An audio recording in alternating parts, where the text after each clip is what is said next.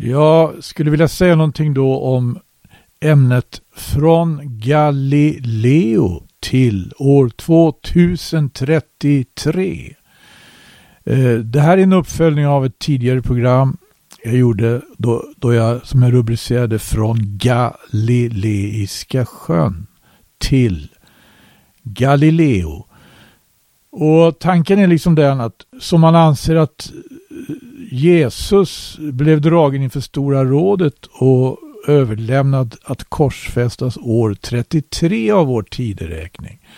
Så har man med större sannolikhet kunnat eh, upplysa om att Galileo, den italienske eh, astronomen Galileo, djupt from katolik, drogs inför den kyrkliga domstolen i Rom eh, 1633, alltså jämnt 1600 år senare. Och vad kan vi förvänta oss då 2033? Vilka processer är på gång? Det finns en hel del processer. Men eh, en del processer det är verkligen rättsprocesser. Och det finns rättsprocesser som eh, ser ut att vara i avsaknad av all rätt. När Jesus dömdes, då han drogs inför Pontius Pilatus och Pontius Pilatus tvådde sina händer och överlämnade honom åt mobben praktiskt taget för att föras bort till Golgata. Så fanns det, så fanns det ju ingen rätt i det. När Galileo Galileo eh, på 1600-talet eh, med utgångspunkt från Copernicus studier 100 år före honom eh, Eh, började liksom diskutera frågan om jorden i själva verket var centrum i, i, i världsalltet och i solsystemet som uppfattning, den gängse uppfattningen var. Och inte minst bland teologer då. Ja, då så blev det här alltså för honom, så innebar det att han drogs inför en kyrklig domstol. Och, den, och domstolen dömde honom till husarrest och ålade honom att tiga om sina upptäckter. Han var faktiskt en av de som först använde sig av ett teleskop, ett oerhört primitivt teleskop jämfört med de teleskop som finns numera. Vad kan vi förvänta oss år 2033? Vilka kommer att vara de, så att säga, om man ser på rättsliga området då, stora processerna? Jesus Kristus har förvarnat sina lärjungar om att man ska vara beredd på det här att för sin tros skull dras inför rätta. Men människor har också helt uppenbart i historien dragits inför rätta för, för vanliga allmänna sunda åsikter. Eh, eller upptäckter som i fallet Galileo. Eh, finns det anledning att följa upp det här? Om det var så att det var nödvändigt att ompröva den synen, för det var det att eh, jorden var i centrum och inte solen. Då finns det väl kanske andra då. Eh, vilket blev nästa fråga? Ja, det kan man ju faktiskt eh, Vilket blev nästa fråga som där, där man hade etablerat alltså djupt felaktiga uppfattningar om, om bibelordet. Skriften. Skriften som har en oerhörd eh, auktoritet. Mm, om den inte misstolkas. Jag kan se att det finns kanske ett antal exempel man kan nämna. Eh, låt oss till exempel ta det här med Noa och hans söner då, Ham. I första Moseboks eh, nionde kapitel. Eh, ska vi läsa det? Det, det det heter så här. Att Noa var en åkerman, första Moseboks nionde kapitel, vers 20. Noa var en åkerman och var den första som planterade en vingård. Men när han drack av vinet blev han drucken och låg blottad i sitt tält. Och Ham, Kanans fader, såg då sin faders blygd och berättade det för sina båda bröder som var utanför. Men Sem och Jafet tog en mantel och lade den på sina skuldror, båda tillsammans, och gick så baklänges in och täckte över sin faders blygd. De höll därvid sina ansikten bortvända, så att de inte såg sin faders blygd. Men när sen Noa vaknade upp från ruset och fick veta vad hans yngste son hade gjort honom, sa han, Förbannad vare kanan, en trälars träl vare han åt sina bröder. Ytterligare sa han, Välsignad vare Herren Sems Gud och kanan vare deras träl. Gud utvidge Jafet, han tage sin boning i Sems hyddor och kanan vare deras träl. Och Noa levde efter floden 350 år. Alltså blev Noas hela ålder 950 år, därefter dog han. Enligt första Moseboks nionde kapitel. Och i den tidsperiod som gått från Galileo på 1600-talet till eh, dagsläget så har det här inte sällan använts för att argumentera för att försvara slaveriet. Det står att Kana ska bli förbannad och han ska bli en trälars träl åt sina bröder. Och en etablerad uppfattning blev ju den då att Ham, han var neger. Och därför så skulle negrerna då drabbas av det här. Eh, jag tittar på en bok eh, skriven av en viss George Fredriksson. En mycket intressant genomgång av rasismen genom historien.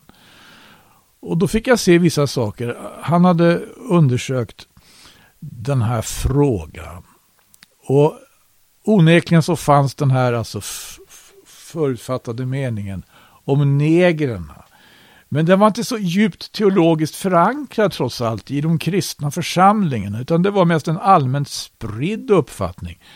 I, i sydstaterna i USA på 1800-talet och i Sydafrika faktiskt rätt sent då, på 1900-talet. Men eh, själva begreppet rasism uppstod faktiskt ganska så sent. Och det beror på att själva alltså rasismen uppstod faktiskt inte eh, så mycket utifrån religiösa utgångspunkter utan det var faktiskt det, märkligt, det var en märk, märklig baksida av upplysningstiden. Då man började på ett mer alltså, då hämningslöst sätt att undersöka allting och, och anlita sitt förnuft. Då, då börjar man också till exempelvis uh, mäta skallformen, då, kranier, döda människors kranier för att konstatera då att vissa kranier var större än andras och att negrers kranier i regel var mindre än vita människors kranier och så börjar man spekulera om, omkring det. Och en av de som var förgrundsgestalter var svensken Carl von Linné, har ni hört? Och utifrån det här alltså uppstod den så kallade vetenskapliga rasismen, eller den biologiska rasismen, som fick ett visst bränsle genom en eh, eh, misstolkning av bibelordet, som till exempelvis eh, men George Fredriksson, när han kollar det här så ser han att för den tidiga kristna församlingen så var det alltså en manifestation av att evangeliet är för alla människor. Det är för alla människor. Att man hade folk från olika då väderstreck och olika raser om man så säger med i församlingarna. Och eh, på 1800-1700-talet så var det faktiskt ett motståndsblock mot den här rasistiska tolkningen av första Moseboks nionde kapitel i de evangeliskt kristna församlingarna, väckelsekristna församlingarna. Därför där betonar man just det här att eh, evangelium var ju för alla. Guds nåd var ett erbjudande till hela världen och för alla människor. Vilket folk man sedan än kom ifrån. Ja, jag, jag tycker det här var ett exempel som man kan, därför här har man naturligtvis måste göra Eh, en omprövning. Det går inte att hävda att eh, negrer skulle vara förbestämda för slaveri när faktiskt kanan som blev förbannad inte ens var neger. Det var hans bror möjligen som var det. Hans bror Kus. Men kanan var verkligen inte det. Och eh, frågan om Ham var det också. Därför att i, om vi läser Bibeln i sitt sammanhang så förstår vi det att kanan blev förbannad. Det är liksom förut eh, förebådar ju då alltså att kanans land kan intagas och kananiterna kan fördrivas och landet kan delas upp mellan Israels tolv stammar så småningom i historien. Och det kan man naturligtvis också diskutera. Det finns ju en historia som går vidare. Men faktiskt, det uppdraget, så fick, det uppdraget fick ju eh, Josua Nuns son av Gud genom Mose. Att han skulle föra krig i Kanans land och han skulle inta det för Israels räkning. Och det här kunde ju vara då alltså en bakgrund till det. Att kanan inte hade så mycket att stå på. Ja, det här är mer med. Men jag eh, har, när jag tänker på det här ämnet, vad kan vi förvänta oss? Det har ju ägt rum stora processer och omvälvningar som har att göra med just, eh, inte sällan förutfattade meningar. Det var en uppgörelse med kommunismen och parallellt så var det en uppgörelse med apartheidsystemet i Sydafrika i, i slutet av eh, förra seklet. Och man kan säga att det blev eh, en viss mån en uppgörelse med ateismen i öst då, där kommunistiska regimer hade rått. Och med rasismen i syd, i Sydafrika, där alltså apartheidsystemet hade rått. Och man fick ju i, i de här båda fallen då ompröva också naturligtvis förhållandet till skriften. I ena fallet hade man vantolkat skriften och sett ett försvar för rasismen. I andra fallet hade man överhuvudtaget inte brytt sig så mycket om skriften, ignorerat den och inte tagit skriftens, Bibelns vittnesbörd om Gud och om Guds existens på det allvar som faktiskt det förtjänar. Jag läser här ifrån Kolosserbrevet kapitel 2. Där skriver aposteln Paulus så här i 16 och 17 verserna. Låt ingen döma er i fråga om mat och dryck eller angående högtid eller nymånad eller sabbat. Vad är det här för någonting? Döma i fråga om mat och dryck, högtid, nymånad, sabbat. Jo, det här var verkligen vad Mose lag stadgade bestämt om. Eh, de här sederna, kalendern och faktiskt om mat och dryck fanns det även stadgar och bud i Mose lag. Men det är yttre former.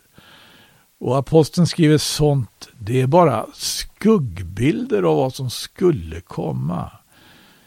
Och i 1917 så heter det så här, verkligheten själv finns hos Kristus. Det är en intressant översättning men den stämmer inte riktigt med grundtexten. Om jag läser samma vers i Karl XII så heter det vilket är skuggan av det tillkommande var. Av det som tillkommande var, men kroppen själv är i Kristus. King James säger which are a shadow of things to come, but the body is of Christ. Och det, det är sagt, faktiskt så vad det heter i grundtexten, soma, kroppen. Och det stämmer väl ganska bra då här. Det här är som eh, handlar om stadgar om mat och dryck, högtid, nymånad, sabbat, det är skuggbilder, skuggan av en kropp och kroppen är Kristus.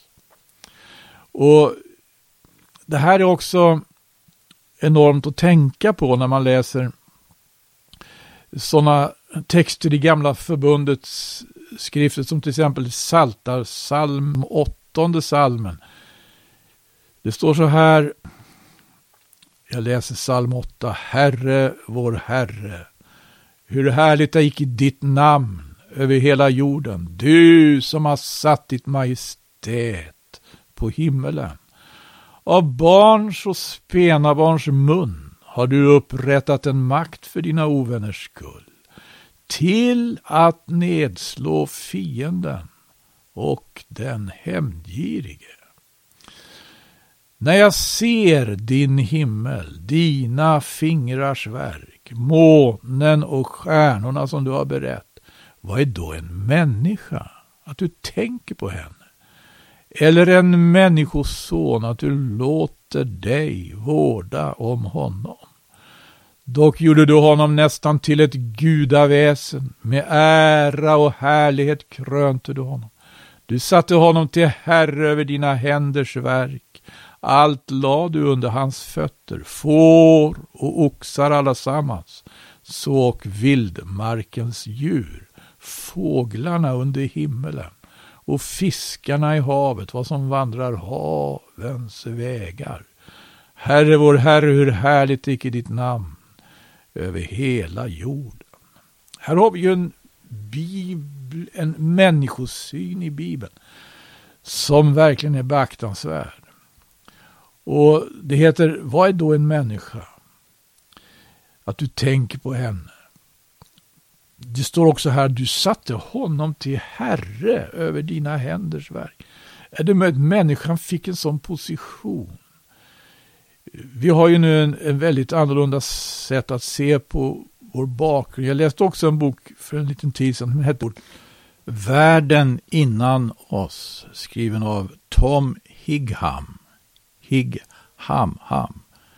Där har vi ham. Tänk, som man mäter när man utforskar tillvaron och den bakomliggande historien. Det är en väldigt allvarlig fråga när vi läser av tillvaron. Ska vi läsa av tillvaron eh, med eh, kol 14-metoden eller med DNA-analyser? Ja, vilka perspektiv då. Tidsrymderna blir ju fullständigt gigantiska. Och det enda som stämmer med, med Bibeln där, det är ju det att kulturmänniskan uppstod inte för mer än det handlar om årtusenden tillbaks. Man kan spåra de första de första växterna till 1,2 miljarder år tillbaks. Man kan spåra de första djuren till 650 miljoner år tillbaks. Människan, den upprättstående eller kulturmänniskan så småningom trädde fram, ja då laborerar man med tidsrymder på tusentals år. Kanske högst 20 000, kanske mer. Men det är också vad Bibeln talar om. Kulturmänniskan framträder. Människan som talar och skriver och bygger och bor i organiserade samhällen. För bara några antal tusen år sedan. Det här är verkligen stora frågor, och stora områden. Men Bibeln gör klart, när Gud skapar allting, om vi tror på Gud så tror vi på skaparen. Gud skapade allting, då hade han en människa i tankarna. En människa, en människoson. Och det är också vad Bibeln gör klart gång på gång. Att när, när mänskligheten avancerar och skaffar sig mer och mer kunskap och insikt om tillvaron så kan detta leda till stolthet. Men stoltheten och högmodet, det, det stöter på patrull när det kommer till Guds tillvaron i Guds skapelse. Det finns ju flera exempel på det här i skriften och i historien. Och vi kan läsa just om hur Mose och Aron fick gå till farao. Farao var ju väldigt upplyst. Egypten var en väldigt upplyst kultur. Det var väldigt upplyst, men det var också väldigt eh, stolt, en väldig stolthet. Upplysning och stolthet fanns det i Egypten. Och de var så pass alltså avancerade, de egyptiska magikerna, trollkarlarna. När Mose och Aron fick uppdrag av Gud att göra tecken. Och de gjorde de här tecknen. Mose kastade staven, han förvandlade vattnet till blod och han slog på jorden. Det kom eh, mygg och det kom paddor. Och trollkarlarna stod och gjorde detsamma. Vi kan läsa i Andra Moseboks åttonde kapitel hur Gud ger Mose det här uppdraget. I femte versen. Herren sa till Mose, säg till Aron, räck ut din hand med din stav över strömmarna, kanalerna och sjöarna och låt så paddor stiga upp över Egyptens land. Då räckte Aron ut sin hand över Egyptens vatten och paddor steg upp och övertäckte Egyptens land. Men spåmännen, de egyptiska spåmännen gjorde detsamma genom sina hemliga konster och lät paddor stiga upp över Egyptens land. Då kallade farao Mose och Aron till sig och behövde i alla fall hjälp att få bort paddorna. Det kunde inte trollkarlarna göra. Men Mose kunde det, när Gud lät honom göra det. Men så heter det så här i vers 15. När farao såg att han hade fått lättnad tillslöt han sitt hjärta och hörde icke på dem, så som Herren hade sagt. Därefter sa Herren till Moses, säg till Aron, räck ut din stav och slå i stoftet på jorden, så ska därav bli mygg i hela Egyptens land. Och det gjorde så. Aron räckte ut sin hand med sin stav och slog i stoftet på jorden. Då kom mygg på människor och boskap, av allt stoft på marken blev mygg i hela Egyptens land. Och spåmännen ville göra detsamma genom sina hemliga konster och försökte skaffa fram mygg, men det kunde icke. Och myggen kom på människor och boskap. Då sa spåmännen till farao, detta är Guds finger.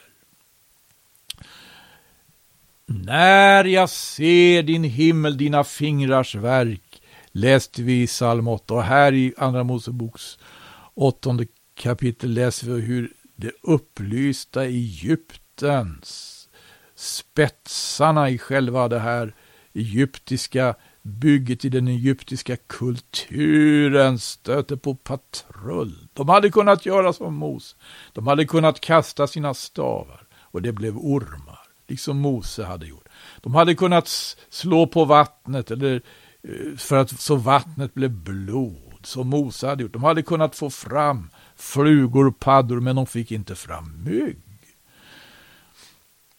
Gud gick ett tog ett steg tillbaka då. Paddor är ju större än mygg. När, mygg, när de här myggen kom. Myggen, ni förstår. Guds rike är minst. Så var det Guds finger. Detta är Guds finger.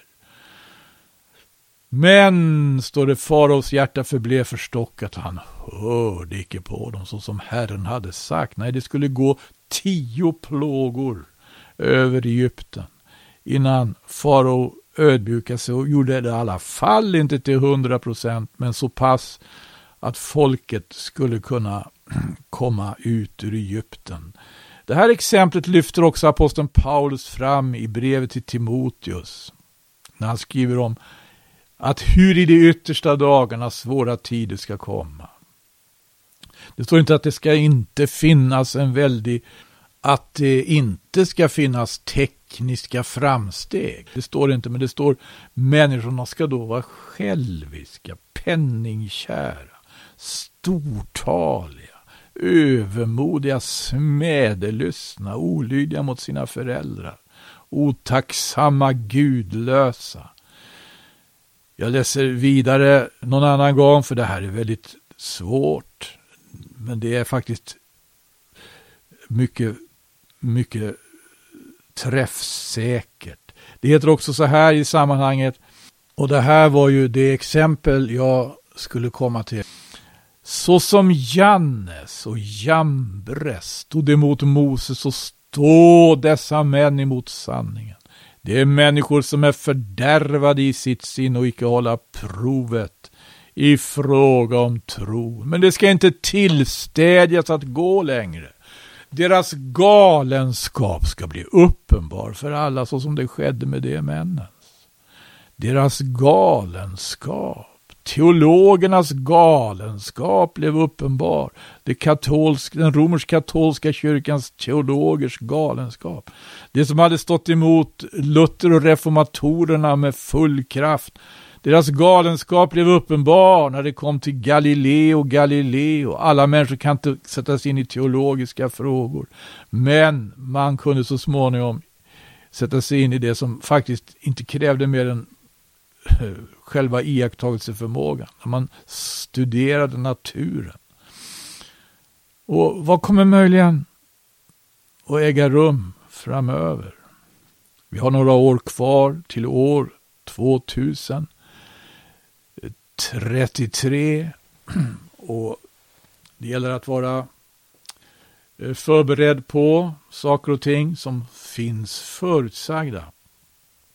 Och en regel, en god regel är ju den, som Jesus själv understryker, var och en som upphöjer sig, han ska bli förödmjukad. Men den som ödmjukar sig, han ska bli upphöjd. I Lukas evangeliets fjortonde kapitel och elfte vers har vi det. Tiden går och jag får nog göra en uppföljare av det här ämnet. Från Galileo till år 2033. Vilka processer, vilka processer kan vi förvänta oss? Vi är stadda i olika, världen är stadd i olika processer och det är en kritisk tid vi lever i nu. Det är kritiskt, vi har upplevt pandemi och vi upplever naturkatastrofer och krig och krigshot. Och det här är sådant som Herren Jesus, hans apostlar och profeter har förutsagt. Då gäller det att, eh, då gäller det att vakna och det gäller att vända om till Gud av hela sitt hjärta och vara öppen för just det här.